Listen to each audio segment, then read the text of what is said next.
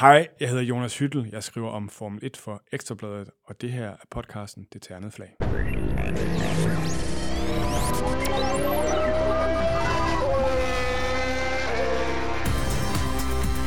Velkommen til Det Ternede Flag, DASUS podcast om Formel 1 dansk og international motorsport. Det Ternede Flag udgives i samarbejde med Dansk Metal. I denne podcast der sætter vi fokus på den sidste test, inden 2020-sæsonen går i gang i Formel 1, og så ser vi frem mod sæsonstarten og hvad vi kan forvente os af dette års VM. I studiet, som du hørte, er Ekstrabladets mand i Barcelona under testen og til flere løb i løbet af sæsonen her, Jonas Hyttel. Velkommen til. Tak for det. Bo Balser Nielsen, sportschef i DASO. Velkommen til. Ja, tak. Og undertegnet Bo Skovfod. Jeg sidder og prøver at styre knapperne herovre og, og lede ordet igennem. Men øh, vi skal tale lidt om 2020. Vi lavede sådan en lille øh, teaser, Bo Balser og jeg, i øh, sidste uge om den første test. Og love, at vi ville se frem mod 2020-sæsonen og lige runde den sidste uges test af, øh, inden vi går så langt. Men, men øh, du var nede til testen her, og øh, generelt set, hvad var dit indtryk fra de her tre dage i Barcelona? At jeg nok bliver nødt til at bruge en kliché, jeg har lovet mig selv stort set ikke at bruge i den sæson. Det bliver uhyggeligt tæt. Altså, jeg er bange for, at vi stadigvæk vil se Mercedes, i hvert fald fra starten af sæsonen, være et skridt foran de andre. Men der er både rokeringer i midtfeltet, og så er midtfeltet, midterfeltet er jo nærmest ikke et midterfelt længere, det er nærmere en B-klasse, vil jeg sige, for det lader til, at ligesom Williams har catchet op, og de, at holdene ligger så tæt, øh, at vi forhåbentlig får at se, at de vil ligge og svinge øh, året, året igennem. Så jeg, jeg håber, at klichéen, det er det tætteste midterfelt nogensinde, og det vi har sagt de sidste par år, at det, det får vi at se i endnu mere øh, ekstrem grad. Ja. Og når alt det er sagt, så lige en, øh, en, en historisk detalje, når folk, og især vores læsere, elsker at tolke utrolig meget ind i særligt de hurtigste tider Ja. under, øh, under øh, hvad hedder det, øh, vintertest. Øh, senest Lewis Hamilton jo, som, som bekendt har vundet øh, de sidste øh, fem mesterskaber i træk. Øh, vrøvl, 5 ud af 6, der var lige Nico Rosberg. Ja. Øh, men han har altså ikke, han har ikke kørt hurtigste tid under vintertest siden 2010, hvor han i øvrigt ikke blev verdensmester. Så øh, det, det er først fra Australien, vi ser de, de, de, den sande styrker, og lurer mig om de der tre tophold, de ikke er lidt bedre end alle de andre, når vi først kommer i gang. Det skulle være meget mærkeligt. øh, men jeg tror, Bo, at vi kom til at sige øh, i vores teaser der, at øh, vi var meget klogere efter sidste test. Ja. Ja. Det synes jeg overhovedet ikke. Tværtimod, så vi kan faktisk ikke lægge ret meget i det, vel? Men, men jeg vil give dig ret i, Jonas, at, at det bliver ekstremt tæt. Og sådan er det jo altid, når man har et, et reglement, der er stabilt over en overrække, mere eller mindre, som det her har været. Ja, så rykker feltet sammen, ikke? fordi de bedste kan jo ikke blive ved med at gøre det endnu bedre, mens dem, der halter lidt efter, de kommer tættere på. Ikke? Og jeg kan også sige, at hvis man ved, hvad man skal læse af de kloge folk, og dem er der nogle stykker af derude, der sidder og holder øje med løssimulationerne, som er dem, der kan bruges til noget. Og i presserummet udveksler vi også, vi hjælper hinanden, fordi at, at altså, alle har ikke tid til, vi har ikke øh, ligesom Mercedes en, en hel... Øh, en, en, en hel afdeling af strateger, der, der sidder og cruncher øhm, øh, eller knuser data. Nej. Øhm, så vi hjælper hinanden lidt, men der er bare ting, man ikke rigtig ser. Og så, så for eksempel, Kevin kører en øh, løbsimulation, og jeg sad og fulgte den. Og lige pludselig kører han, han ligger og kommer ud på det sidste stint øh, på øh, C3-dæk, og han øh, og kører rigtig, rigtig hurtigt til start af, hvad hedder det, 1.20 tider, 1.21 tider, og, og, ligger der, og så lige kører han en 1.28, og lige pludselig går han i 1.324, som er sådan set langsomt. Så taler med ham bagefter.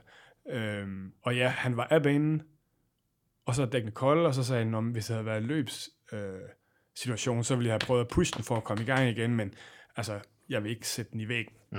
Øh, så det er ikke det værd, så hellere bare tage de dårlige tider og komme ind, fordi teamet ved det. Men sådan nogle tal, det ved hovedparten ikke, ikke? Og det er jo de små fejlkilder, når folk så begynder at tolke og overtolke, og sådan har alle teams jo, ikke kun dem jo. Og det mudrer jo billedet. Ja. Altså, så man mindre man er James Vowles fra Mercedes, som ja, har fem mand under sig og, øh, og ikke laver andet, så skal man tage det med grænsalt. Ja. Selv det, jeg har skrevet på Ekstrabladet. hermed. Selv hermed det. Men jo, Mads Bubba, altså, vi, vi, vi sad og, og tog alle mulige forbehold også, men vi sagde også, at, at det her, det bliver sgu en god sæson. Det bliver en tæt sæson, for det, det, det så virkelig godt ud. Øh, Williams er tættere på, ser det ud til i hvert fald. De er i hvert fald med. De Altså, er i hvert fald med. De er jo ikke agterlanterne sådan i den grad mere. Øh, så, så øh, vi talte om lige før vi gik i gang med at optage, det er ikke øh, et midterfelt, vi taler om længere. Det er måske bare det her, vi kaldte B-klassen for et år eller to tilbage. Ikke? Altså, så det er så super tæt. Nogle af dem er måske op og, og bide øh, de tre store i, i haserne. Men øh, hvis vi lige skal løbe teamsene igennem øh, Jonas og Bobalser, og vi starter fuldstændig vilkårlig rækkefølge med Mercedes. Hvor, hvordan, hvordan, hvordan ser vi formen, du nævner favoritter, Jonas? Var det også det indtryk, der var dernede? i Ja, men altså, jeg vil bruge Sebastian Fælles ord, og det var den lethed, de gik ud bare var hurtigt. Ja. Altså, jeg tror, det er på anden dag, at Hamilton kører en, den første løbsimulation, hvilket er tidligt. Øh, og de tider, de kører der, de var sådan god gammeldags hurtige. Ja. Jeg tror nærmest, det er en af de bedste, som det blev kørt overhovedet, og det er på dag to. Øhm, og det er sådan lidt... Altså, de plejer jo bare at, at sætte nogle hårde dæk på, og så bare ligge og kvære en omgang, omgang, og så ser man ikke så meget, hvad hedder det, uh, tippen. Ja. Øhm, og det er der også bare, og så var selvfølgelig det der DAS-system, som, som er, er ret innovativt, og man ikke helt ved, øh, jo, altså det, altså det der, hvor, hvor man, man de, de kan trække ja, i, øh, i, hvad hedder de, øh, i, i retstangen. retstangen, ja. og mekanisk, fordi man må, altså, fordi de har fundet en, et hul i reglementet, sådan at de kan ændre på, på hvad hedder det, tog, tog ind og tog out. Øhm, altså, det giver dem nok lidt. Jeg kunne forestille mig på sådan et sted som Baku eller sådan noget der, at, at de, vil, de, vil, de vil hjælpe dem lidt. Altså ikke? steder med, med lange langsider, tror jeg. Ja. Måske det kan, ikke? Men, men hvad er sådan den generelle holdning blandt de andre teams? Hvad har du hørt? Altså, synes, Jamen, der, altså, tror de, der er noget i det, eller er det gimmick, eller hvad skal man kalde de, det? de er imponeret af det, fordi de viser, hvor innovative de er, og hvordan de bare pusher hele tiden. Øh, og det er faktisk det, jeg synes, der er det, det vildeste ved men det er også det, som, som Hamilton øh, øh, sagde dernede, øh, at han er stolt af at være på et hold, som bliver ved med at, at presse grænsen. Det ville være så nemt for dem at sige, vi har et år mere, inden vi går til et helt nyt reglement. Vi bygger bare lidt på sidste års bil, jo, som sådan set var den, den bedste. Nej, nej. De, øh, de redesigner motor, og de, øh, og, og de går faktisk i, i gang med et helt nyt koncept. Altså blandt andet har de jo den nye motor, som jo så har haft lidt børnesygdom, skal det jo så lige tilføje, det ja. Kan vi komme ind på lige, lige om lidt, øh, kan køre ved højere temperatur, øh, hvilket gør, at de kan gøre kølingen mindre, og derfor de også ændret, hvor sidepods sidder og sådan noget. Det vil selvfølgelig hjælpe dem fremadrettet også, at de gør det, hvis de får den til at fungere. Men det viser bare, at de, de ikke hviler på, øh, på laverbladene. Øhm, Nej, jeg hørte en podcast sidste år med James Allison, deres tekniske øh, direktør, eller hvad han nu er, som netop fremhævede den ting, som det han var mest fascineret af ved, og han har jo været ved mange teams øh, undervejs, ikke? Men, men han har aldrig oplevet en sådan sult i et team, der var så øh, succesrigt i forvejen, som blev ved med at pushe, og det er jo dem grusomt hver gang, der var et eller andet, bare en, en detalje, der ikke virkede. Så sad man allerede og snakkede om det efter en løbsejr, og det var næsten vigtigere end at, at glæde sig over sejren. Det var, ja. hvordan forhindrer vi, at det her sker igen? Ikke? Ja. Men man skal jo så også have budgettet til det. Altså det. Der er sikkert mange af de andre teams, der gerne vil gøre det samme. ja. Ja, der var der en team, der, der, var, der talte om, at de havde kigget på det her DAS-lignende system, men havde skrottet det, fordi de mente ikke, det var omkostningerne værd. Det var faktisk Ferrari, var det? det var, var det Ferrari? Ja. Jeg, jeg kan ikke helt huske, hvem det var nu. Ja, men de mente heller ikke, det, var, det nødvendigvis var lovligt. Nej, Og jeg var- tror ikke, vi får til at se nogen af dem, der kaster penge efter at få det gjort. Nej, Altså, der er flere, der allerede har sådan, afvist, at det er ikke noget, vi kaster os over, fordi det, man får ud af det i givet fald, det er så lidt, så øh, og at reglementet i 21 og så er det lukket. er skrevet, og det er ikke fordi, de har ikke lukket det på grund af, at de lavede det. Nej, Det eksisterende 2020-reglement betyder allerede, at der, der er hvad hedder det, ordlyden anderledes, ja. Ergo kan de ikke køre med, Nej. med, med DAS i 21. Men, altså, men, men det er et eller andet sted forfriskende, fordi det så, altså, reglementet nu om det er jo så tæt skrevet, altså det giver så små muligheder for at lave noget, der er lidt anderledes. I forhold til for eksempel 70'erne, hvor du kunne komme med en støvsugermotor eller et eller andet øh, lige pludselig ud af det blå. Ikke? Ja. Altså, det kan du jo ikke her. Men, Altså, når man så finder et, situation som Madas, der, som er innovativ, som du siger, ikke? Altså, altså, så må man også lige glæde sig lidt over det. Og så ærger det mig så til gengæld, at man så siger, at fra næste år kan I ikke bruge det. Altså, ja. hvor, hvorfor ikke? Altså, er det farligt? Fordi så skulle det slet ikke øh, være lovligt nu heller. Jamen, det er jo netop, fordi de for næste år gerne vil lave mulighederne så små, Ja. at, at der er ikke nogen, der kan få lov til at stikke af i... Uh, i Nej, men altså omvendt, så, så ødelægger du også chancen for, at der kommer en, en underdog og finder et eller andet spændende, som for eksempel Braun i 2009 med dobbelt diffuser, ikke? som lige pludselig... Jo, men, jo, men altså, jeg vil ikke lige, hvis det, det bliver en lang diskussion, hvis vi skal det. Jeg vil bare sige, at, ja. at hvor at vende tilbage, hvis vi siger Braun, grunden til, at de gjorde det, det var altså på baggrund af, at Honda havde pumpet penge ind. Det var ikke et Haas lignende Nej, eller, eller Alfa-lignende team, der fandt noget. Det var et fabriksteam, som var klar. og så var der nogle andre, der tog over, og så blev det en bedre historie. Men, Jamen, det er da en god historie. ja. Men jeg vil give dig ret, så sent som i går, sad jeg faktisk og hørte en konkurrerende podcast på udenlandsk øh, med Gordon Murray, øh, hvor han talte om gamle dage. Ja, den har jeg også hørt. Den er altså, den er, fantastisk. den er ret Ja. fantastisk. Ja, ja. Og det ja, Beyond the Grid. Vi må gerne, vi må Øhm, gerne, vi må Hvis du gerne kan engelsk, er det, er det, er, er det værd at Altså, holde det er i hvert fald en podcast, vi til fulde kan anbefale Ja. herindefra. Ikke? Så det, og det er jo ikke en konkurrent, også går jeg ud fra. Nej, vi er ikke religiøse, vi giver gerne videre. Vi har også faktisk, vi har faktisk tidligere skrevet links til gode podcasts ja, Ja. i nogle af vores opslag. Ja, Ja, ja. ja. Så, øh, nej, nej. Men du nævnte problemer med motorerne. Ja, Jonas. øh, de, og de var forskellige. Og det var, det var både, de var begge sider af garagen ved Mercedes. Øh, Williams øh, oplevede det også. Øh, ja, ingenting ved Racing Point. Men altså, Hamilton var ude at sige, at han mente, at det var sådan, at det var sm- småting, og det var noget, der nærmest allerede kunne være styr på øh, til Austra- Australien. Jo, men var der ikke Øh. noget om, at de måtte sende, de sendte et antal motorer tilbage? Jo, de brugte tre, tror jeg. Altså, ja. hvilket er meget. Et, noget var olietryk, og noget andet.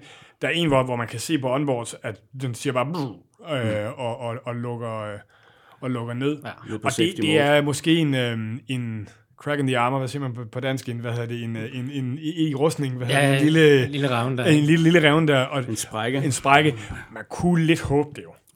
Ja. Øh, fordi at, at hvis, altså hvis man ser på hybridæren, så har de der Mercedes-motorer, De har været irriterende. de har været Ikke? irriterende Altså, stabile, ikke? Altså, øhm, og, og, og der, der endelig ryger en ved Hamilton der i Malaysia, jamen, hvem får nytte af det? Ja, det er Nico Rosberg, ikke? Så, Ja. øhm, ja.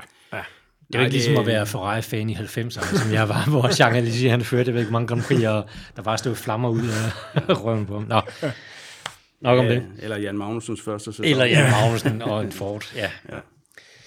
Ja, og så nummer to på vores liste her, fuldstændig uden at prioritere, igen Ferrari har vi skrevet. Ja. Øh, der er nogen, der udtaler sig i, i, i medierne omkring de her weird games, der bliver spillet. Altså, er det sandbagging? Øh, øh, hvad, hvad sker der? Altså, kommer der den her meddelelse fra FIA øh, fredag kl. 17.50, lige inden øh, testen øh, slutter ned, og alle FIA-folk, de er væk fra banen nærmest, om at øh, FIA og Ferrari har, har indgået en aftale omkring den her undersøgelse fra sidste ja. år. Øhm, så, Men, men den tænker jeg, at vi måske skulle tage... Det er et helt andet fordi, emne, Fordi men- vi, hvor står de Ja. nu med det, med det her års bil? Ikke? Altså, Ja. ja. det, det, er det, vi ligesom skal snakke om her, fordi den anden, det er jo en helt anden sag, som kan være et bombshell. Ikke? Jo, altså, men det kan godt relatere, fordi mange taler om den her mangel på fart. Altså, de er gået ind og virkelig har benhårdt prioriteret at finde noget fart i svingene, men de mangler jo sindssygt meget på langsiderne. I hvert fald, hvis man skal tage testtiderne ud fra øh, gode varer, ikke? Jo, altså man kan så sige Alfa. Jeg skal igen huske, at- at uden at, jeg synes heller ikke, vi skal, den er, det er for stort et emne og, og gå for langt ind i, i, i hvad, det, hvad, hvad, der er sket sidste år, og hvordan de måske har været nødt til at ændre lidt på, øh, på motoren. Men det er jo noget, som er, det er en fordel, som jeg tror kun Ferrari har haft. Øh, hvilket gør det endnu mere... Ja, altså mener Haas og Alfa Jeg har ikke haft har, har, har Alfa har ikke haft de Det tror jeg bestemt heller ikke, de har. øh, Hvis der har været noget. Øh, og jeg ved også for forholdsvis god kilde, at den sidste opdaterede Ferrari-motor fik kun Team Snake. Og det burde de jo sådan set have haft, ifølge FIA's regler. Og sådan, så der er masser af ting, det kan man, vi kan holde en hel hvad hedder det, podcast om. Øhm, Alfa var faktisk en af de hurtigste i fartfælderne. Øh, så den kan stadigvæk noget, og jeg tror også, man skal passe på med at overfortolke, hvor stor forskel der er på de her. Øh, lidt kan det helt sikkert betyde, og, og i særdeleshed måske i, både selvfølgelig i topfart, men også i deres quali modes, om, om Ferrari har haft noget, hvor de har omgået nogle regler, eller, eller noget af den stil. Jeg tror, det er helt rigtigt, at jeg var til to øh, briefinger med Binotto, og øh, han er, altså, han er en meget atypisk Ferrari-chef. Det må man sige. Altså, fordi han er sådan rimelig straightforward. Altså, han sad, han blev spurgt om på, på en, hvor han skulle give øh, på en skala fra, fra 1 til 10 øh, øh, deres, deres performance, give dem karakterer og bilen og sådan Ja. noget. Og det sad han inde med at give tal på. Det, mm. det er der ikke ret mange teamfælder, der vil gøre. Og slet ikke nogen fra Ferrari. Øhm, og han var skuffet, ikke? Og altså, så tror jeg heller ikke mere på sandbagging. Og jeg tror heller ikke mere på pokerspil og sådan, for det giver ikke den store mening, når det kommer til stykket. Jeg tror, de har nogle udfordringer. Jeg tror ikke, de er så store. De kan have noget omkring kval.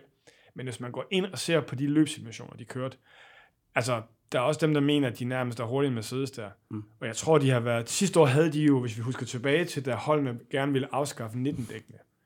Der var det jo anført af Ferrari og Red Bull. Fordi de i modsætning til Mercedes og, og McLaren og sådan noget, ikke rigtig kunne få de her dæk til at fungere. Og det var et spørgsmål simpelthen om mangel på downforce. De har helt sikkert gået ind og arbejdet med det. Ja. At der så kan være noget ekstra i motoren, helt sikkert. Mm. Men det kan godt være, at de har lavet en lidt for draggy bil den her Ja, gang. men altså, altså, jeg mener også, at jeg har læst et eller andet sted, at, at, at det, som både Ferrari, men også Red Bull i virkeligheden har arbejdet på, det er, er speeden i de langsomme sving, hvor de fik tæsk af Mercedes sidste år. Ikke? Ja. Og det er jo klart, altså hvis man bolder mere downforce på, for at få det, noget speed gennem de sving, jamen, så, så koster det et eller andet andet sted også. Ikke? Ja. Så, men, men jeg synes alligevel også, det er bemærkelsesværdigt, at, at tonen øh, efter de her test hos Ferrari, sidste år, der gik man derfra og havde næsten allerede vundet vintermesterskabet i hvert fald, men også måske øh, Formel 1 selve mesterskabet. Man var jo kæmpe optimist og, og, og lod det øh, udstråle til alle sider i år. Der har man nærmest underspillet det hele vejen igennem. Ja. Altså, tror du, det kan være en bevidst strategi? Det tror jeg. Altså sidste år, Binotto sagde til, hvad hedder det, til den julefrokost, han holder med, med, hvad hedder det, med, med presse, også, når de inviterer folk til Maranello i december, der sagde han, at sidste år, efter første uge, troede de, at de havde et halvt sekund på Mercedes. Mm. Altså, de troede det. De troede det reelt internt. Det er jo ikke noget, de sagde, Nej. men de troede det internt. Ja. Og de ender med at blive slået med lige knap 0,7 sekunder, hvad hedder det, til pole i, i øh, Australien. Ja. Jeg tror, den, den har gjort ondt. Det har den helt sikkert. Øhm. Altså, øh, jeg tror, man vil undgå at, komme til at se dumme ud i hvert fald, ja. ikke? Altså på den måde der. Altså nu er Australien selvfølgelig en atypisk bane, det ved vi alle sammen, altså det er en harsbane, jo. Ja, ja. hvis vi skal være, se på det med danske øjne, ikke? Men altså, øh, ja, altså vi må jo vente og se, men som du siger, altså når der er så få test, så er det, altså, det giver jo ikke alverden at sandbagge, vel? Fordi de andre kan jo ikke nå at reagere på det alligevel. Nej. Øh, men, men ja, vi må se. Og mit, og sådan, så- hvad jeg har sådan lavet mig fortælle, i krone, så har Alfa, Ferrari og Haas kørt med stort set samme, hvad hedder det, benzinmængder. Nå. Øhm, jeg Jamen, ved, altså, Haas det- har altid kørt tungt. Mm, ja, det har de. Ja. Men altså, det er i hvert fald fælles for de tre teams, at de har ikke brilleret på tiderne, øh, hvis man kigger på Ja. ja. kvalifikationstider, hvis der overhovedet er nogen, der har kørt. Ja, det er der jo. Der er Romain nogen, der- kørte lidt, men igen, ja, men, de, men de, de viser bare igen, da Romain kørte, han var den første, øh, der gjorde det. Han lå ikke og kørte på samme mm. tidspunkt. Og, og når der er sådan, at vi, vi, vi taler om, at, det er, at, der er, at de ligger inden for du ved, et halvt sekund eller sådan noget, mm. altså af hinanden, altså der kan godt ligge to tiendel bare i nogle, hvad hedder det, i nogle temperaturgrader Ja, ja, på ja, ja, asfalt. ja, Ja, ja. Altså, um, og det er det, ja. Nogle folk glemmer. Men nu sagde du en interessant ting, det kunne jeg godt lige prøve at spørge ind til, fordi selvfølgelig er, er Haas og, og Alfa Romeo specielt konkurrenter, øh, og Ferrari selvfølgelig også, men de er jo så lidt i en anden liga, men, men er det, er det sådan, at de så samarbejder lidt, når de tester for eksempel, at udveksler data, altså I kører med det der, I kører med det der, altså, og så hjælper hinanden på den måde? Jamen, jeg ved, Ferrari-hold. Ferrari har ikke været god nok. Altså, Jeg tror, Mercedes ville være bedre til at gøre det. Nu får jeg lige en historie fra sidste år, hvad det, som jeg faktisk tror aldrig rigtig har skrevet den. Så det er en premiere? Det kan være, det, det, kan Breaking være, det, det er en premiere. på- Ej, men jeg fik at vide fra igen en rigtig, rigtig god kilde, at det der, kan I huske sidste år, der, hvad hedder det, der, der var, øh, der var problemer med Ferrari-motoren i starten, det koster, hvad hedder det, Leclerc øh, løbet i Bahrain, ja. og øh, Giovinazzi oplever det i Shanghai. Det var en, en ting i Control Electronics, hvor der var noget med tændingen, hvor du normalt har to dibidutter, Øh, jeg er ikke mekaniker eller tekniker, skal det siges. Du havde, sådan som jeg forklarede, to dibidutter, øh, som skal bruges til tænding, og Ferrari, altså, hvis, den ene, hvis den ene ikke virker, så kan den anden øh, tage over. Ja. Ferrari havde af en eller anden årsag valgt, at der kun skulle være en. Det vil sige, hvis fejler den, Så så fejler lortet. De andre kunne ikke rigtig forstå, hvorfor man gjorde det sådan. Øh, men det er noget af det, som McLaren leverer til alle holdene. Det, det, det, det er nogle af de ting, øh, øh, eller det, det, de, eller McLaren-folkene ved det. Det er derfor, at det, det stammer fra nogle af dem. Nå, anyways. Øhm, der var en masse problemer med, med Harses bil i, øh, under test. De der såkaldte gremlings, de talte om, at de brugte for meget tid derinde. Det, jeg har fået at vide fra god kilde, det var, at det var det problem, der var det, det der hovedsageligt drillede i elektronikken. Og der kan man så sige, hvis det havde været tyskerne, så nægter jeg at tro på, at de ikke havde lært af deres kundehold. Men hvor italienerne så måske har været lidt mere ligeglade med deres kundehold, fordi de tænker, ja, fuck, det sker ved, hvad hedder det... De kan ikke lave ved, sådan noget i ved, hvert ved, fald. ved, ved, ved Haas, hvad Ja. det, det er jo bare, de køber bare. ja. Øhm, men, ved, øh, men så opstår der så ved dem selv, og så er de så nødt til at, at reagere på det. Så, så, så der kan man sige, der tror jeg ikke, at de, øhm, at de måske har samarbejdet nok. Nej. Til gengæld ved jeg også, at da Kevin i 18 er ude på den der Supersoft omgang, hvor han sætter verden under, hvor alle de andre er ude på hyper, og, øh, og han jo kører sådan god gammeldags hurtigt. Der skulle Binotto, som på det daværende tidspunkt var teknisk chef og ikke teamchef, Ja. skulle han have gået direkte ned i Haas-garagen til sin øvrigt gode ven, Günther Steiner, og har sagt, hvad har I lige så meget benzin i tanken, som I mm. sagde, I havde? Så noget samarbejde er der. Ja, ja. Og det havde de. Ja. Altså, øhm, Ja, hvis det vil jo give mening. Altså, hvis man samarbejder på motorsiden i hvert fald, ikke? Altså, jo, de har jo faktisk, de siger sig selv. Altså, det er jo det der med, øhm, at man, man taler også om udveksling af ting ved kaffemaskinen, og, eller på Ja, ja. poppen. Altså, en ting er samarbejde i vindtunnel, og, og, og hvad, hvad regler der er, men Ferrari har jo folk i, i garagerne. Ja. Og, og specielt i de første år ved Haas, hvor, hvor kokken var engelsk, og de ikke havde fundet italiener endnu, der er mange af Ferrari-mekanerne, de gik altså ned og spiste nede ved Ferrari. Altså, ikke bilde mig ind, at de ikke snakker med deres kollegaer. Nej. Så det, det, du siger, det er egentlig et, et problem for Bahrain sidste år, drillet i Barcelona i år. Nej, ikke i år. Nej, ikke i år, Øh, sidste år, Sidste år men, men, der, men der har jeg bare sådan, jeg tror, at tyskerne er så grundige, Mercedes er så grundige, at hvis der opstår et problem ved Force India, eller, øhm, øh, eller Williams, Eller Williams, ja. så vil de sige, okay, kunne det her ske ved os? Øhm, og så tror jeg, de vil, de vil have reageret tidligere. Ja. Også en god pointe, stadigvæk. Altså, jeg tror bare, at de er, altså det der Mercedes-team, de er så gode. Altså, det er alt fra, det er fra James Allison og hele vejen ned til, øh, til deres barista. Ja. Altså, øhm, de, på alle pladser er det bare det bedste. Det er jo derfor, folk elsker at have dem. Det er også det, jeg bliver ved med at vende tilbage til ja. Ja. den her podcast. Ikke? Altså, de er sådan bare, de, de er for gode. Altså, det er irriterende. Men øh, Ja, men man kan jo dårligt bede dem om at køre langsommere. Det er jo lidt imod sportens ånd. det er jo også det, ikke? Det er rigtigt. Sådan er det. Godt så. Red Bull og Honda har vi snakket lidt om, før vi gik i gang med at optage os. Og, og ja. det er også noget, du ser frem til. Jamen, altså, jeg har dem som, som næstbedst. Ja. Altså, øhm, de, var, de startede sidste, de sluttede sidste sæson godt af. Øh, de siger, de har grebet lidt anderledes an i år, øh, og fordi de godt ved, at de er startet lidt for langsomt. Øh, Honda skulle have taget et, et rimeligt pænt skridt frem igen, og, og, og jeg tror, de er ved at have en, og de skulle have en, en såkaldt party mode, der rent faktisk kan bruges til noget øh, i år. Øh, og jeg ved godt, at Newey sidder og arbejder på 21-bilen, men altså, øhm, jeg, jeg tror, de er, de er rigtig hurtige. Så kan man så sige, vi ved ikke, om Albon øh, kan takle at være, være Verstappens øh, teamkammerat over en hel sæson. Det, det, det mangler vi stadigvæk at se, men jeg, men jeg tror, at de, at de er første udfordrer. Og der er så kun den ene udfordring, at, at øhm, jeg tror, det var seks gange, var Verstappen af, af banen, tre gange for øh, Albon, fordi at, at de mister, øh, de mister bagenden. Ja. Og Verstappen sagde selv, at det er ikke noget, men han vil jo heller ikke, hvis de rent faktisk har et problem, øh, så vil han jo ikke sige det jo. Nej. Så man skal jo altid... Altså, det Han sagde jo bare, det han sagde bare. Han- helt køligt, det er ikke jer, der kører bilen. Altså, Altså, ja, og han sagde, at de er bare ude at teste grænser af. Jeg hørte så for, hvad hedder det, en af de gode tech-gutter, som jeg stoler på, og som en af de, sådan, de klogere, der også bruger tid på banen og sådan noget, han sagde, at man kunne simpelthen nærmest se det, og så vidt han har forstået via nogle af ingeniørerne, så var det ikke noget, der kunne fikses med setup. Så det var måske en lille ting i aerodynamikken, der gjorde den lidt for løs bag til. Men det er noget, der kan være, måske kan det være fikset allerede til, øh, til Melbourne. Ja. Altså, øhm, Men altså, tilbage står altså, hvis der er nogen, der kan køre med sådan en bil, så er det Max Verstappen. Altså, og, og jeg, jeg har jo altså også ham som Dark Horse øh, til mesterskab. Jeg synes faktisk, at han var den bedste kører sidste år, så man ikke blev verdensmester, fordi ja. at han mestrede en bil, ingen andre kunne. Altså, han var jo soleklart foran sine holdkammerater. Han havde to øh, smadret den ene, og, og den anden nåede aldrig op. Han var så også en rookie, ikke? Mm. Øh, men det bliver lidt spændende at se, om, om Alex Albon han kan løfte øh, gamet til at komme tættere på, ikke? Ja. For så holder han heller ikke altid. Nej, nej, fordi de, de, du er også i en situation, hvor køresammensætningerne hos de to andre topteams er så gode, at du er nødt til at have, det er også derfor, han bliver skiftet ind, du er nødt til at have en, som nogle gange kan blive kastet ind, øh, for at enten at tage point for de andre, mm. eller bruges som skakbrik. Altså, ja, så, og så det- nytter det ikke, at man ligger bagerst af top. Altså, Og det var, der, det var jo derfor, at øh, Gasly han røg, altså fordi han tog ikke point for de andre. Ja. Han var simpelthen bag ved dem også, ikke? Øh, Og, og måske specielt, når han blev taget med en omgang i Østrig ja. for eksempel. Ikke? Ja. Øh, og der har Alex Albon vel nok gjort det bedre, trods alt, øh, med sin øh, ringe erfaring øh, in mente. Ikke? Ja. Men altså, der, der er nok ikke nogen øh, hårdere plads i Formel 1, end at være holdkammerat med Max Verstappen. Og så i Red Bull under ja. Helmut og de andre. Det, det kan ikke være sjovt at, at ikke være helt på højde med. People med management. Max.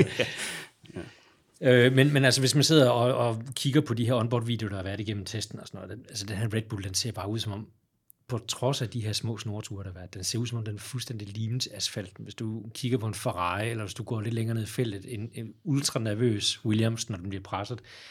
Max Verstappen satte hurtigt i tider, og han kørte bare, altså, det så som om, det var uden effort fuldstændig. ja, og Red Bull har altid lavet deres egen ting. Ja, Altså, Ja. altså det har de altid gjort, og de, øh, de har altid sådan kørt deres egne programmer, og de er bare ude at teste. Øh, og de, ja, det er bare et godt team. Jeg stod, jeg sad, stod og nød. Jeg fik ikke snakket face to face med Ole Schack noget overhovedet. Jeg er nødt til at sende ham et billede. Jeg havde taget et billede af ham, fordi jeg var nede nogle gange. Det fede var jo vintertest i år. Øhm, en ting er, at sådan nogen som, som mig kan komme til at stå og kigge ind i, hvad hedder det, i garagerne, fordi sorte skærme er væk. Det kan Ja. tv-kameraerne altså også, så dem, der har fulgt med på F1 TV Pro, de har også øh, kunnet nyde, øh, nyde godt af det, men det er bare fascinerende at stå og se dem pille og arbejde. Øh, altså, man virkelig kan, kan se. Det er jo kun, når gulvet var af, at de måtte sætte Ja. ja. skærme på.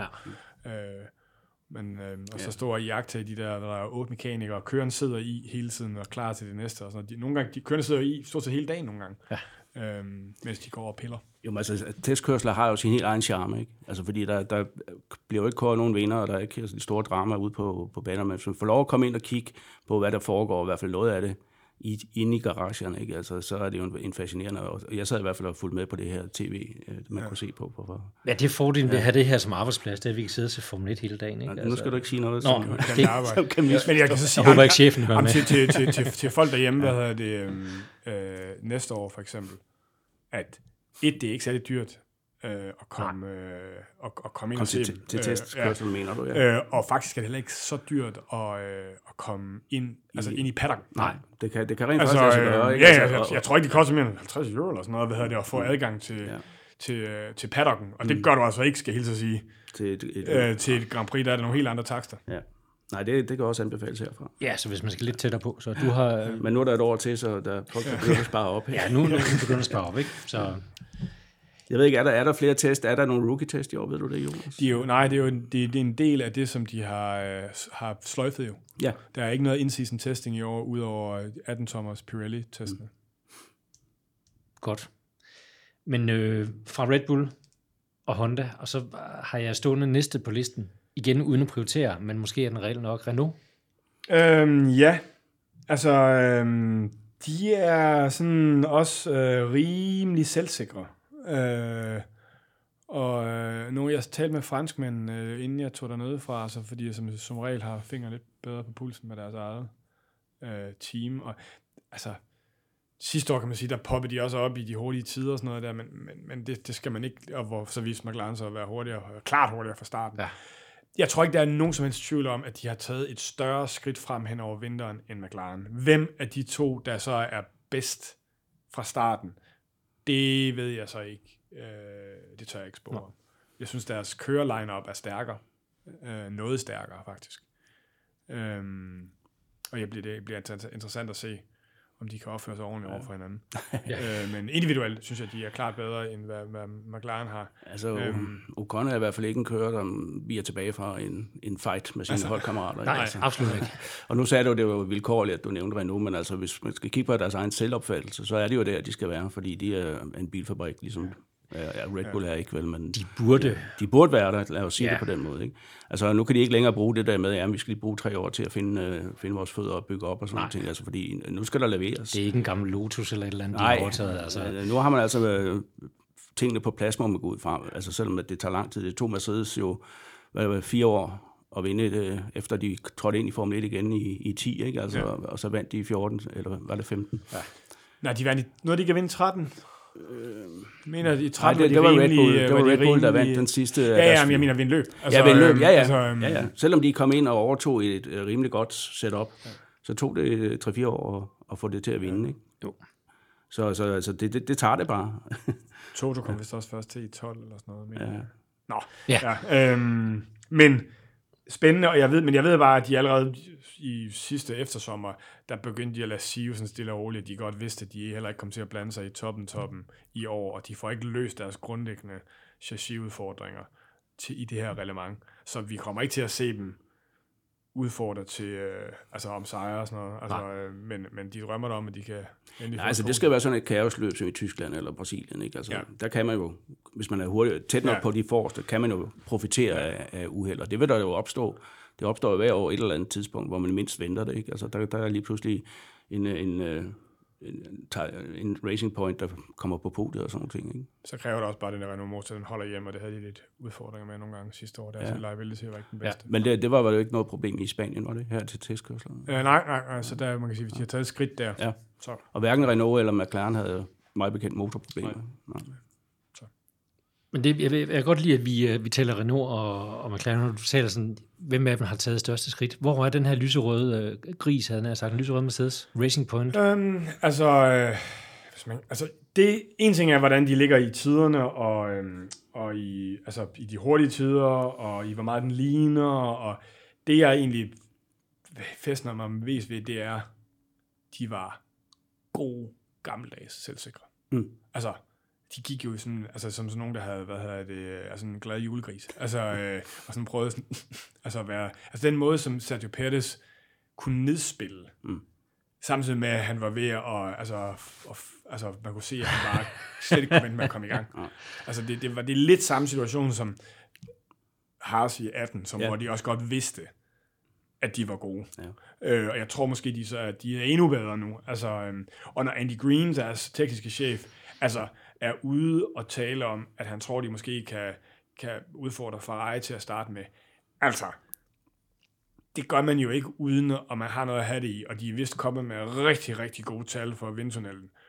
Og de så også, har de så også vist sig ude i, i virkeligheden. Og vi skal bare lige huske på, at det her det er altså et hold, som med stort set ikke noget budget, øh, blev fire to år i streg, hvor de altid mødte op med underudviklede biler, som først var sådan okay lidt hen på sæsonen, og så var de altså gode nok til at være klart fire.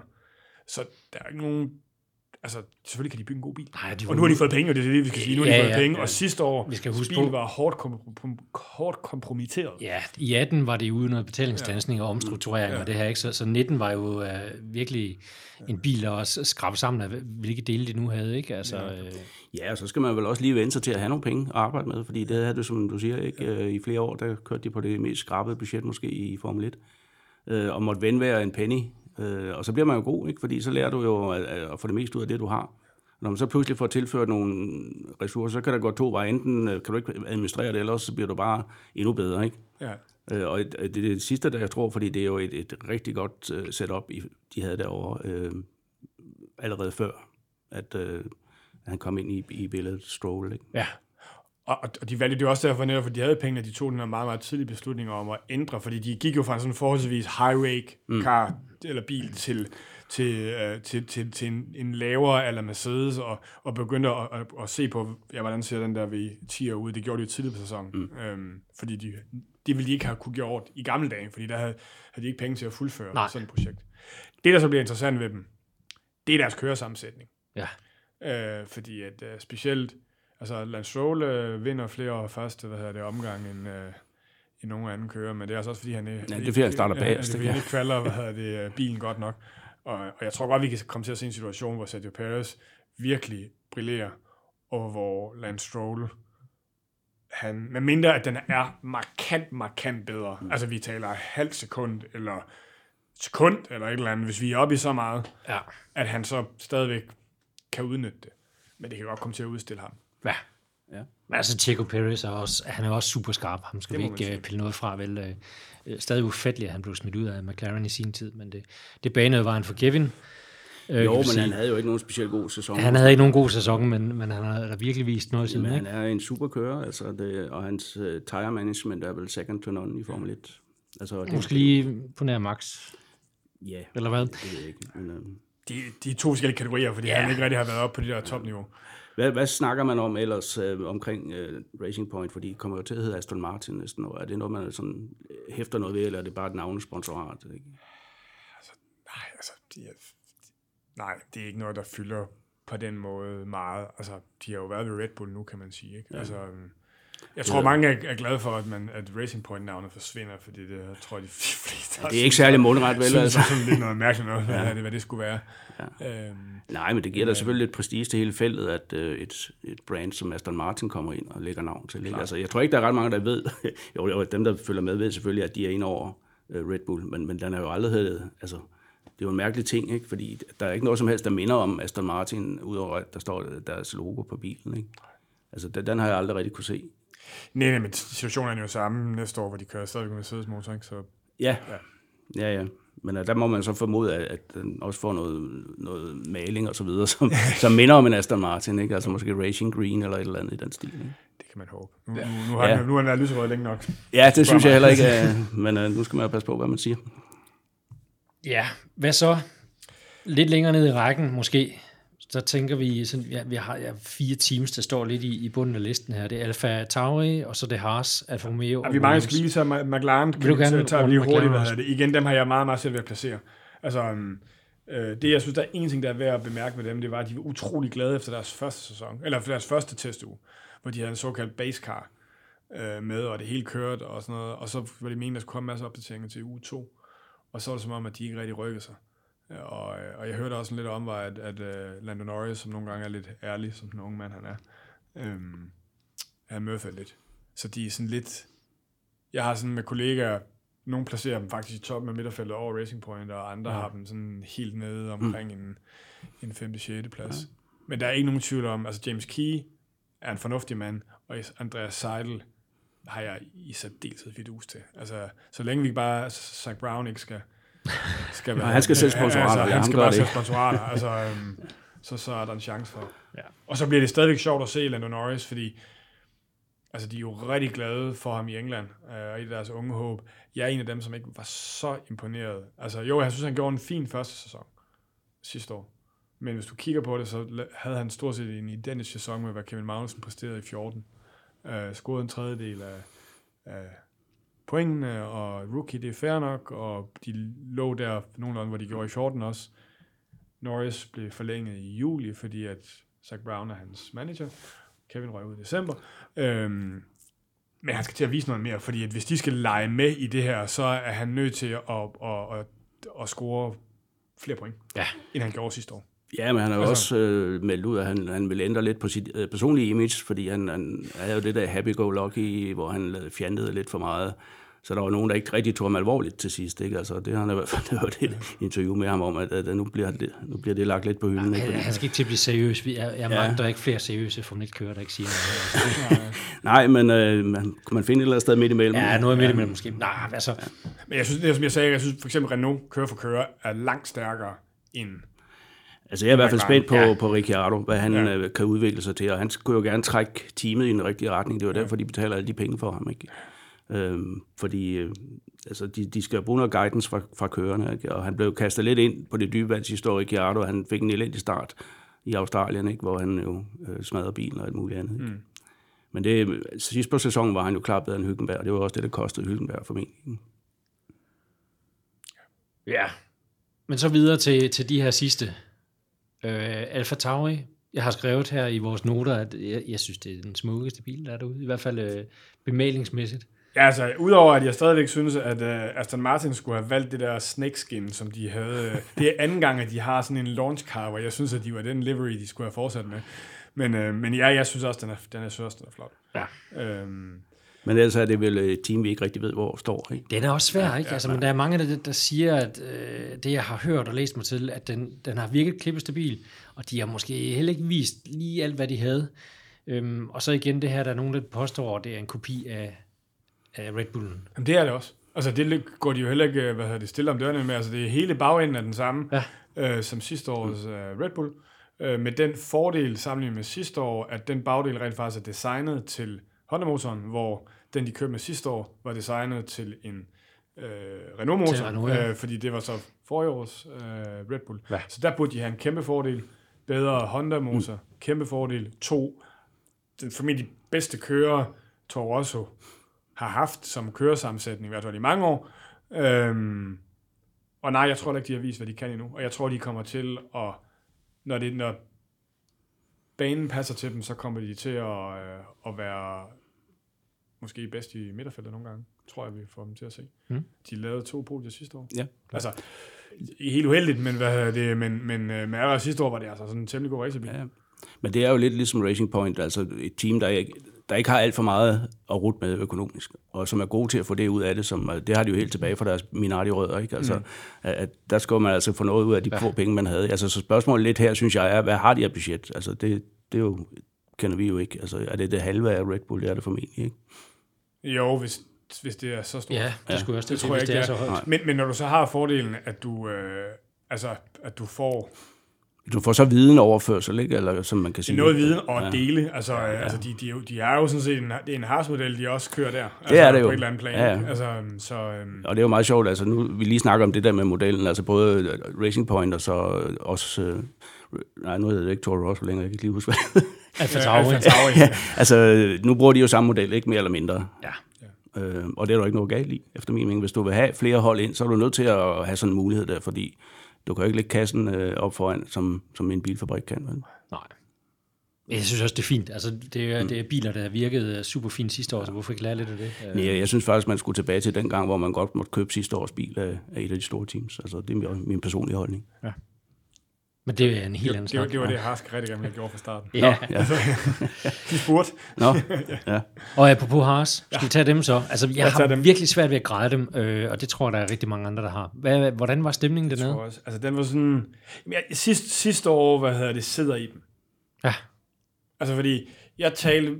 Øh, Ekstrabladet har lavet et stort magasin i år, som jeg lige kan spotte for, så nu når jeg er her også, hvad hedder det, Absolut. 132 sider, hvad det, er ude i, i, øh, i kioskerne, og vi var ude lige før test, og det vil sige, at jeg havde aftaler med Günther og med Kevin allerede før test. Så jeg har lavet længere interviews med dem der, og det har jeg gjort igen ned til, hvad hedder det, til test og sådan, og, og, og, og allerede før ville de ikke, altså Günther siger, vores mål er, fordi at, hvad hedder det, det er, og vi vil gerne top midterfelt, ikke? men i sidste ende så handler det om, at de, de skal bare forbedre sig. De var så ned i et kæmpe stort hul øh, sidste år.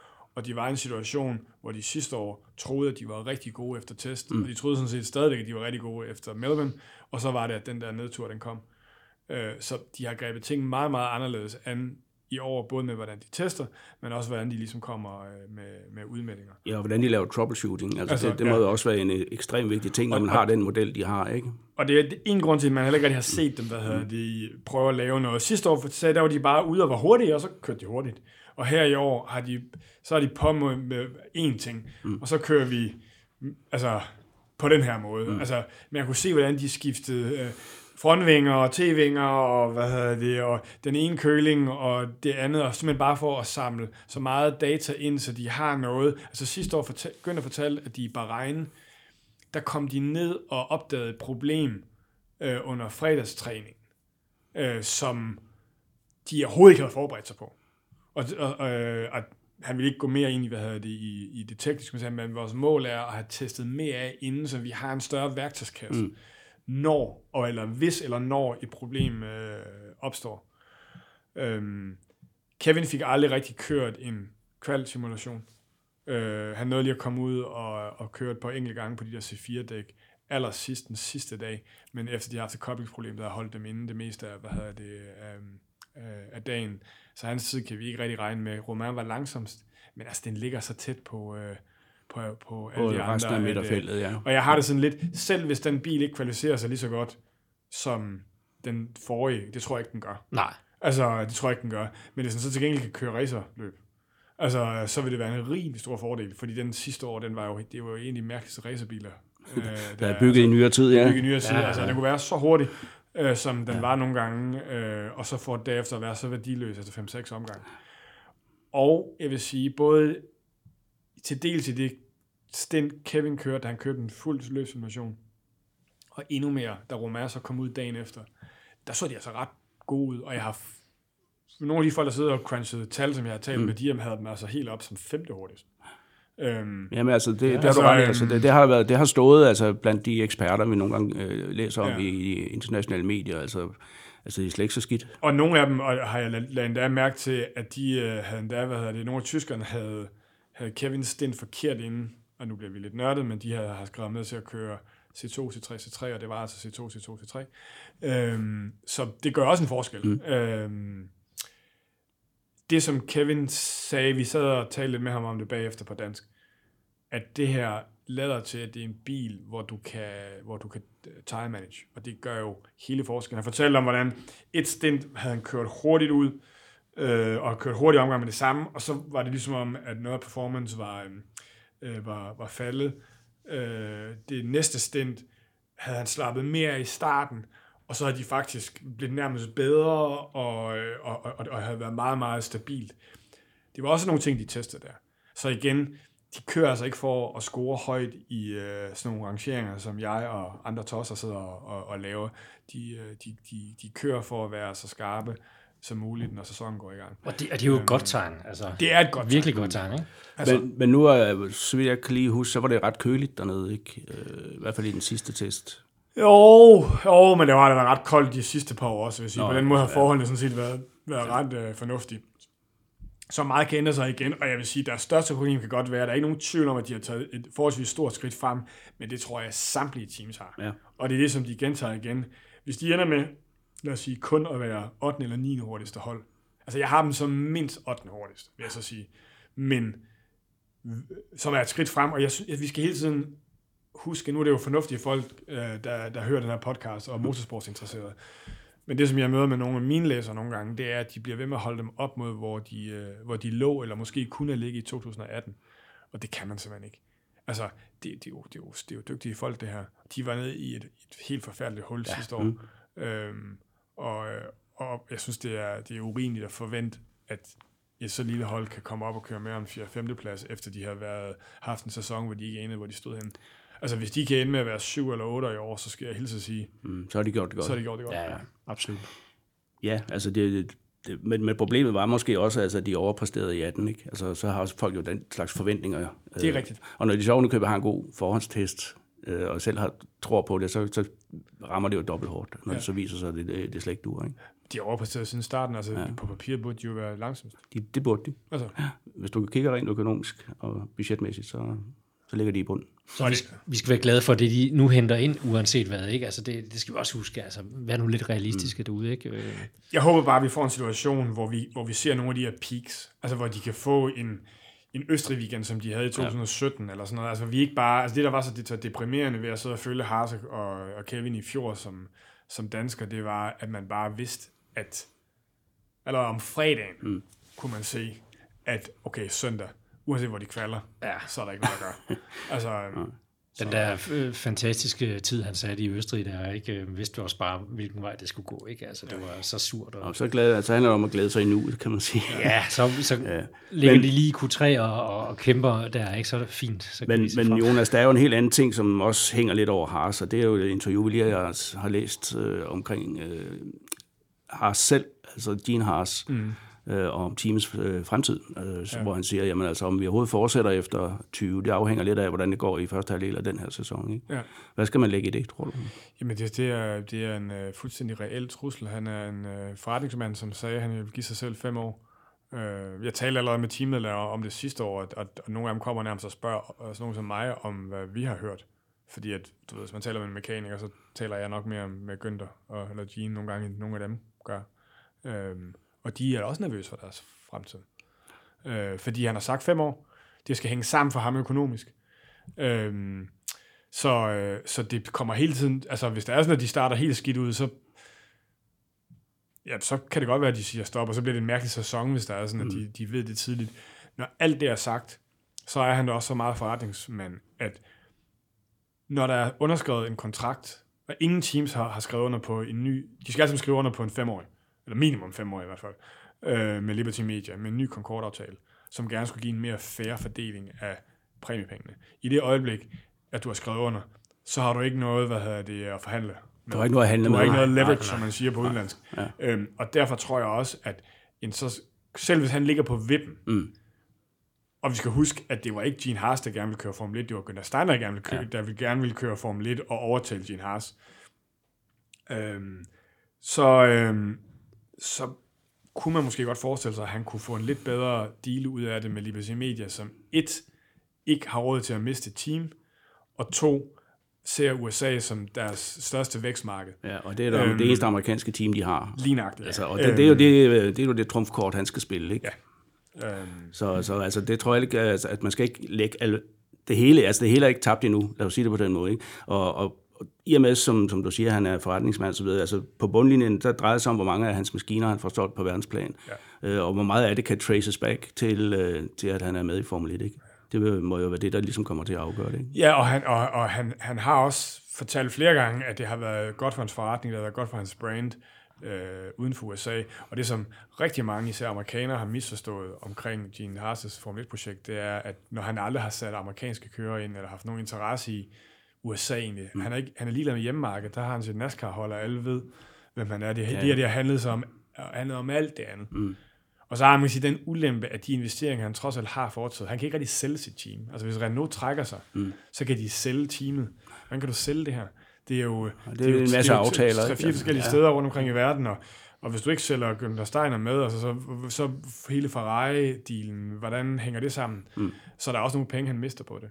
Men det er en reel risiko, at han stopper. Det skal vi bare huske ham med, hvis vi skal være... Hvis vi skal altså et smart træk for ham kunne være at lave en kontrakt med en amerikansk I forhold til Liberty, mener jeg. Altså, fordi det vil jo... Ja, yeah. Jeg tror bare, at problemet er også amerikanske kører. Hvis du ikke er vokset op på Pirelli-dæk, så er det bare med svært at komme ind. Nej, jeg ved ikke, hvem det skulle være. Det er sådan en helt anden snak. Ja. Det er det så, men altså, der findes jo nogen i både Form 2 og 3, som viser lidt talent, ikke? Så. Men øh, ja. Alfa. Skal Alpha. vi også til dem? Dem skal vi også lige nå. Øh, jeg var ikke imponeret af deres løbssimulationer. Det virker som om, de har de er gode i topfart, men de så altså ikke for gode ud øhm, i løbssimulationer. Og øh, de har valgt at gå lidt deres egen vej med designet deres bil. De har sådan lidt øh, unik koncept, som ikke minder om så mange andre, og det ved jeg ikke, om det er den klogeste vej at, at gå, øh, når man er et, et, et mindre team, ja. og der ikke er nogen at, at holde øje med. Øh, og så synes jeg stadigvæk, at Giovinazzi han er lidt en uh, udfordring for dem. Jeg satte den jo også af i, i, ja. i den her test, ikke? Ja. Han er afkørsel. Jeg tror, Haas er bedre end dem i hvert fald. Og Kimi, en aldrende herre, men er, virker han stadig sulten? Altså, han, det, er jo, han, det er jo hans hobby. Kimi er jo Kimi, ikke? Altså, altså, det er hans liv. ja, ja. ja. Han er jo stadigvæk solid. Altså, jeg var lidt efter ham. Sidste år var jeg lidt bekymret for, om han kunne finde ud af at køre en midtfelt, eller midterfelt ja. Øh, også fordi jeg ikke, han er ikke lige så skarp øh, hvad hedder de, kvalifikationer, som han har været tidligere, og det betyder altså en del. Han, han klarer det bedre, end jeg egentlig havde kunne have frygtet. Mm. Men altså på et eller andet tidspunkt, så skal de ham skifte ud. Omvendt, hvad fanden skal, Søren, skal de så, hvad hedder det, have ind? Altså det er også derfor, jeg, jeg tror, jeg, eller jeg ved, at øhm, Fred Søren var ret øh, øh, lun på tanken om at få Hylkenberg ind, fordi at øh, hvis de ender med at skal få frem en Mick Schumacher, ikke at jeg tror, det sker lige nu og her, jeg tror simpelthen ikke, han er god nok, men selv hvis de gør det, eller om det så er en, en hvad hedder han, Schwarzman øh, type, der, der, der skal ind, du kan ikke køre med Giovinazzi og en, en rookie, det dur som ikke, du er nødt til at have en eller anden referencepunkt ind. Ja. Så. Men øh, jeg vil sige, at Schwarzman er et godt bud næste år, hvis han klarer sig godt i Formel 2 i år. Ikke? Og der følger jo penge med, det ved vi fra Rusland, ikke? Og det har Alfa Romeo også, det var bare spørge Kubica og hans sponsorer, hvorfor de er der, ikke? Ja. Det skyldes jo, at de kommer med 20 millioner euro, eller hvad jeg, ja. efter hvad jeg har hørt, ikke? Ja. Ja, det er også en, en chat, hvad Williams har vi uh, rundet lidt. Øh, nogle sidste ord, du gerne vil knytte på dem? Jeg vil bare sige, okay, Latifi er selvfølgelig udfordret, eller Russell, han er, sådan, han er rigtig god. Men de var, de var ude at lave glory runs de har en forholdsvis simpel designet bil, hvis man kigger dem øh, på de andre, og jeg tror, de, de er, og det er jeg ikke den eneste, der siger, de er klar bundprop stadigvæk. Men de kommer også fra Men, meget, meget langt væk. Ja. Så, så de vil runde, jeg tror ikke på, at de, som nogen har sagt, at de ligesom kommer op i midterfeltet, men de har det mindste lukket hullet til midterfeltet. Mm. Ja. Men altså, nu sagde du at Russell var god, og det tror jeg sådan set også, han er, men, men jeg tror ikke, han får det helt så nemt med Latifi, trods alt, som han havde med Kubica sidste år. Nej, det kan godt være. Det kan godt være. Men altså, ja, Latifi for mig er, er et åbent spørgsmål. Han har kørt fire år i Formel 2 ud ja, vinde uh, mesterskabet. Det bliver spændende at se. Ja. Og igen, det er som regel et godt tegn. Det er det ikke, altså nej, øh, men han kommer så også med en masse dejlige øh, dollars. Ja. ja. Og det er, jo, det er jo lidt sørgeligt at skulle sige om sådan et, et, et fantastisk team som Williams, der har vundet så meget, at de er afhængige af, at, at, at kører, der kommer med penge. Mm. Russell, han kommer jo med, med, med Mercedes motor, øh, efter hvad jeg har ja. hørt, i hvert fald i, i, ja. til reduceret pris. Ikke? Ja. ja, det bliver spændende at se. Og, øh, og, og det fører os så videre til næste punkt på, på dagsordenen her. Nu, nu begynder tiden at trække ud stille og roligt her, men, men jeg har bedt jer om at lige at, at summe lidt over tre ting, I glæder jer rigtig meget til i 2020-sæsonen. Kort og skarpt. Ja, lad os prøve. Jeg glæder mig til at se Max Verstappen udfordre Lewis Hamilton om verdensmesterskabet, og jeg håber, at det kommer til at vare hele sæsonen. Øhm, jeg tror, det er realistisk, at vi, at vi får det at se. Så glæder jeg mig på at se kampen hos Renault mellem Daniel Ricciardo og Esteban Ocon. Ikke mindst fordi, at jeg er ikke sikker på, at Ricciardo så gerne vil fortsætte ved Renault, som han siger til pressen. Og jeg tror, han drømmer ret meget om, at der kunne blive plads til ham, for eksempel øh, Ferrari. Han har sigtet eller, rettet mod Ferrari, det eller, tror jeg godt, Eller andre steder. altså, hvordan de, de, de kommer af, fordi det giver også øh, en dør på klem til en vis Christian Lundgaard, hvis og så fremt han præsterer allerede i år, men altså ellers om, om to år. Mm. Altså det er sådan ligesom, hvis, hvis nu fortsætter jeg her, at, at Renault øh, fortsætter i, øh, i, i Formel 1, men, men det, er, det er ret interessant set med danske øjne. Og hvis vi skal, så bliver jeg ved danske øjne, fordi det er jeg bruger så meget af min, øh, min, arbejds, min arbejdsliv på. Øhm, selvfølgelig bliver det virkelig spændende at se, om Haas fortsætter i, i, i ja. uh, Formel 1. Men altså, om, om Kevin han formår at slutte øh, sådan en afslutning på Grosjeans karriere. Mm. Det er ret interessant, kan han slå ham for tredje sæson øh, i streg, og det kommer også til at betyde ret meget for Kevin selv. Og jeg må nok tilstå, at hvis der ikke er noget Haas-team i 2021, så tror jeg heller ikke, der er nogen Kevin Magnussen i Formel 1 i 21. Men øhm, det, er, det er et andet emne. Mm. Mm.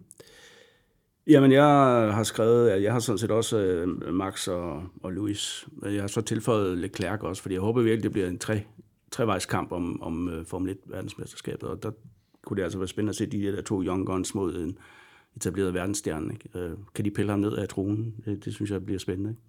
Og så har jeg skrevet, at jeg glæder mig til at gensyn med Sandford. Uh, ikke fordi den nuværende bane er ret god, men de har altså bygget den her stejlkurve ud på langsiden, som jeg glæder mig vildt til at se. Øh, den gamle majestætiske Sandford er der jo ikke mere, det er nærmest en forvokset go bane nu, men altså, nu har man altså gjort noget, et forsøg på at gøre den øh, anderledes øh, og spændende, øh, og så det glæder mig virkelig til, og så bliver der altså et, øh, en folkefest øh, af dimensioner nede i Holland. Hvis man skal derned og se som dansker, så vil jeg råde folk til at komme i god tid, fordi der er en vej ud af Sandford og en ind. Øh, du, ikke, du kan ikke bare sådan tage forskellige ruter ind, øh, og jeg har da hørt et eller andet om, at man skal tage shuttlebusser ud fra Harlem eller et eller andet. Altså, jeg kan allerede sige, at det er dem, vi har på anbefaling af hollandske journalister, har vi valgt at springe over det i år. Nej, men simpelthen seriøst, fordi at, at priserne er så ekstreme. Altså, vores pressehotellerne, mm. de ligger ved Schiphol Lufthavn og starter mm. ved 200 euro per nat. Øh, og så de, de hollænderne er ja. bange for logistikken. Dog skal det siges, at det seneste, jeg hørte dernede fra, hvis der er nogen, der overvejer det, gå på Airbnb, fordi at de har, har, har krævet så ekstreme priser, altså sådan helt mm. vanvittige priser, ja. At folk simpelthen ikke har, de, at der skulle være masser af ledige, så priserne er på vej ned, så det kan være, det er det, der... ja, ja. Så altså, man, lidt men for mit vedkommende er det selvfølgelig også noget nostalgi, fordi da jeg begyndte at rejse ud til Formel 1-løb, der boede vi i telt ude i, i klitterne. Ja. Den synes jeg ikke rigtig, man kan forestille sig nu om dagen. Men, men et fantastisk sted er det altså. Og så ligge helt ud, ja, og så helt ud til, til vandet. Ikke? Altså, der, der, den har jo en beliggenhed, som ingen andre baner har. Det må man sige. Ikke? Ja, og så glæder jeg mig generelt bare til, at vi kommer i gang. Og jeg håber, vi kommer i gang, og det er jo en helt anden snak. Det er så. også et helt andet program, men det gør vi jo også. Ja, altså, det er jo Australien, og det er halvanden uge fra nu. Ja. Knap og nap. Men altså, der, der er jo lige en lille ting, der hedder coronavirus, øh, som øh, stikker en kæmpe hjul på mange sportsbegivenheder. Det, det, kender jeg, det kender jeg ikke til. Hvad Nej. er det? Skal vi springe derover? Ja. ja jeg vil sige, at jeg vil sige, at sandsynligheden for, at Australien kører, er meget, meget høj, og så de andre, dem kan vi se på, ja. når det bliver aktuelt. Ja, du tænker på Vietnam og Bahrain, ja. øh, fordi altså, Altså jeg, jeg havde sådan en lommefilosofi om, altså hvis det endelig var, så kunne man flytte nogle af de der løb til den der august måned, hvor man jo holder fri, så må mekanikerne holde fri nu, inden sæsonen starter. Så, så man starter i Melbourne, man kan ikke bare flytte et gadeløb, det ved jeg godt, men man kan nemmere flytte et løb på en permanent bane, ikke? Jo, men altså det der, det er, det er, så bliver det lige pludselig en meget, meget, meget, meget, meget lang sæson, og, og de her mennesker har det også ikke klart. hvad det, skolesøgende børn. Og, øhm, det er ikke ideelt. Altså, det er ikke ideelt, men det er heller ikke en, en, en, almindelig situation, man står overfor. Men både Bahrain og Hanoi har en, nogle typer styre, som gør, at, at man nogle gange nemmere nogle gange. kan få nogle bestemte beslutninger igennem, hvis man ønsker Ja, men altså, man har lige gennemført Formel 2 og 3-test dernede øh, sidste weekend, øh, på trods af, at der, det er svært at komme ind, hvis man er, specielt hvis du kommer fra Italien, ikke? Ja. de fik jo så også netop lov til at komme ind. Ja. Det, jeg kunne godt forestille mig, at det samme ske igen. Men øh, det Man skal bare finde den rette Ej, altså, man kan sige så meget, vi, vi fik, hvad hedder det, alle øh, sådan permanente, både Teams og, og permanente medier fik en besked fra Bahrain, eller en mail for to dage siden, hvor hvis man øh, skulle gennem Dubai, eller hvis man havde været i nogle udvalgte lande, så skulle man meddele det til dem, ja. Så de kunne forberede ankomsten. Med andre ord, de skal nok få folk ind. Så når nu du lige har været på skiferie i Norditalien, så skal du lige huske at skrive det til... Så skal man skrive det til dem, og så lurer mig, om du ikke kommer over til højre og får ja. lavet en, en screening. Jeg, jeg, jeg vil godt... Øh, hvis jeg, man kan, jeg vil godt få penge på, eller have penge ud på, at, øh, at, vi, at der bliver kørt løb i vejen også. Nå, jamen det er jeg glad for. så. Godt. Det var de tre ting, I øh, glæder jer til hver især. Øh, spændende at høre. Jeg glæder mig bare til, at vi kommer i gang. Der er kun lidt over en uge til øh, første træning. Ja. Øh, det bliver sindssygt. Jeg glæder mig. Ja, det er øhm, der er heldigvis masser af muligheder for at følge det, og tage ud og se det i biografer og ude ved racing teams i Danmark øh, rundt omkring og følge Formel 1 der. Og selvfølgelig læse det om det på Ekstrabladet. Ja, I skal velkommen. Vi Ja. kører med sammen. Jonas, øh, skriv Ja. endelig. Live fra Albert Park. ja. Det bliver glimrende. Jo, det, det følger vi alle sammen med i, det kan jeg godt love dig. Ja, men der er også lidt andet, øh, vi, vi har stående her på bloggen, øh, og selvom tiden løber, så synes jeg også, vi skal nævne det. Altså, vi har også to unge løver, der, der er med, i, ikke i, i Formel 1-feltet, men lige ja. under i hvert fald. Formel 2 og Formel 3, og det, og det glæder jeg mig personligt også sindssygt meget til at følge de her. Øh, Christian Lundgaard selvfølgelig, og Frederik Vesti, i henholdsvis Formel 2 og Formel 3. Øhm, Bo lige et par ord på, på de to herrer, og hvad vi kan opleve. Jamen, altså, det er jo lidt en unik situation, altså, at, at vi er så stærkt repræsenteret. Altså, vi har en etableret Formel 1-kører, og vi har en, der har det ene ben inden, og der er en, der banker kraftigt på. Ikke? Altså, jeg kan ikke huske, hvornår vi sidst har haft en situation. Jeg skal dog sige, at hvis vi går tilbage til for eksempel 1997, der havde vi en situation med Jan Magnussen øh, i Formel 1, og der havde vi altså Tom Christensen og Jason Watt, der slog som øh, om at være den næste dansker øh, i det, der hed Formel 3000 dengang. Ikke? Ja. Og de slog så meget, at de kørte ind i hinanden på banen. Ikke? Øh, men, men altså både Christian Lundgaard og Frederik Vesti, altså de, de er med i de to primære f- feederklasser til Formel 1, og de er ikke bare med, de sidder i de bedste teams i henholdsvis Formel 2 og Formel 3. Altså det er en unik situation. Øh, og de er begge to talentfulde ud over alle grænser. Øh, Christian mistede desværre øh, sin Form 2-test her i Bahrain, fordi han var så uheldig. Han var på træningslejr med øh, akademiet, Renault Academy. Øh, halvdelen af holdet rejste hjem aftenen før, og Christian skulle have rejst hjem dagen efter. De boede på et stort, kæmpestort hotel i, på Tenerife. Øh, og de, de første halvdel af holdet nåede at komme ud, inden, øh, inden der blev slået corona-alarm, fordi en italiensk øh, turist på hotellet var, var blevet testet positiv. Ja. Så han, fik stukket en kuvert ind under døren der om morgenen, som han skulle afsted, at han skulle blive på sit værelse. Han fejler ingenting, har ikke fejlet noget som helst, og har trænet som en sindssyg, fordi de måtte godt bruge fitnesscenteret. Mia Charishman, hans, øh, eller chefen for akademiet, er også dernede. Inklusive hans familie. Ja. så han har været i selskab også med to eller tre andre fra akademiet. Øhm, og de sidste nyheder, jeg har, det er, at han er, er godt på vej hjem nu. Han skal lige testes den sidste gang, så får han lov at komme hjem. Ja. Og han fejler ingenting, skal berolige folk med. Så Men, klar øh, til sæsonen. Men et stort handicap at miste den første test. Absolut. Specielt fordi, at de kører på de her nye 18 Thomas, ja. øhm, 18 Thomas Pirelli, som han ikke har prøvet før. Han kørte den afsluttende test i Abu Dhabi. Mm. Øh, også for art, og har jo ikke så meget erfaring øh, med Formel 2-biler og tire management og sådan nogle ting. Bliver, det bliver spændende at se. Altså, art er historisk ikke særlig gode i Til Bahrain. omstilling. Nej, i Bahrain. Mm. Så man, hvis man endelig skulle, skulle misse et Grand Prix, eller være dårlig i et Grand Prix, Ja. så det er altid noget, det er det, hvis vi skal prøve at tage Art gjorde, jo, øh. Art gjorde jo egentlig det fornuftige, at de hyrede uh, Sergej Sorotkin ja. Som uh, erstatning ved den test her, fordi han er en meget erfaren, han er jo tidligere Formel 1-kører blandt andet, og har været med til at, at teste de uh, Pirelli uh, lavprofildæk, som man skal bruge ja. i Formel 1 næste år. Så hvis han ikke kan give noget godt feedback, så er der vist ikke rigtig nogen, der kan. Han er jo i øvrigt også meget teknisk velfunderet, Sorotkin der. Så det var et smart træk, og det er ikke en kører, som vil kunne komme ind og tage hans sæde eller noget i den stil, vel? Nej, for han må ikke køre serien. Nej. Øhm, nej, øh, men altså derfor er det, øh, man skal, altså med så begrænset test, så, øhm, så, hvad hedder det, så, så er det en bed for ham at misse øh, tre dage, hvor man ligesom kan lære omkring det. Men hvis der er nogen, der kan klare det, er lige nok det ham, fordi hvis, det, hvis, hvis, hvis Christian har vist sig god så, som en ting i sin juniordage, og det er også noget, hans manager hele tiden pointerer, så er det, at han er så lynhurtig til at vende sig til, Ja. Til nye klasser, men det er en ulempe. Ja, men han har altså den fordel, som du siger, at han er bedst i modgang. Altså, øh, altså det, vi så det sidste år, hvor at, øh, han havde et par dårlige løb, øh, røg ned i et, hvad man godt kan kalde et sort hul efter to øh, ødelagte løb, kan man sige. Ja. Men øh, kommer stærkt tilbage. Altså det er bare hans psyke, der er så stærk. Ikke? Han har, han har en ukulig psyke, og det, jeg lavede faktisk en hel podcast med ham mm. sidste år omkring netop det her med at rejse sig fra et stort hul.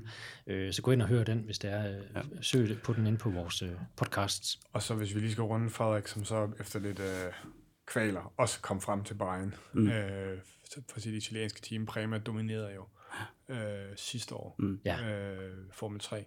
Øh, og det giver ham jo det bedste afsæt, kan man sige, for at, at lave et resultat hen over den her sæson, som gør, at han kan finde endnu flere penge, og måske ja. noget, øh, hvad hedder det, øh, lidt interesse for...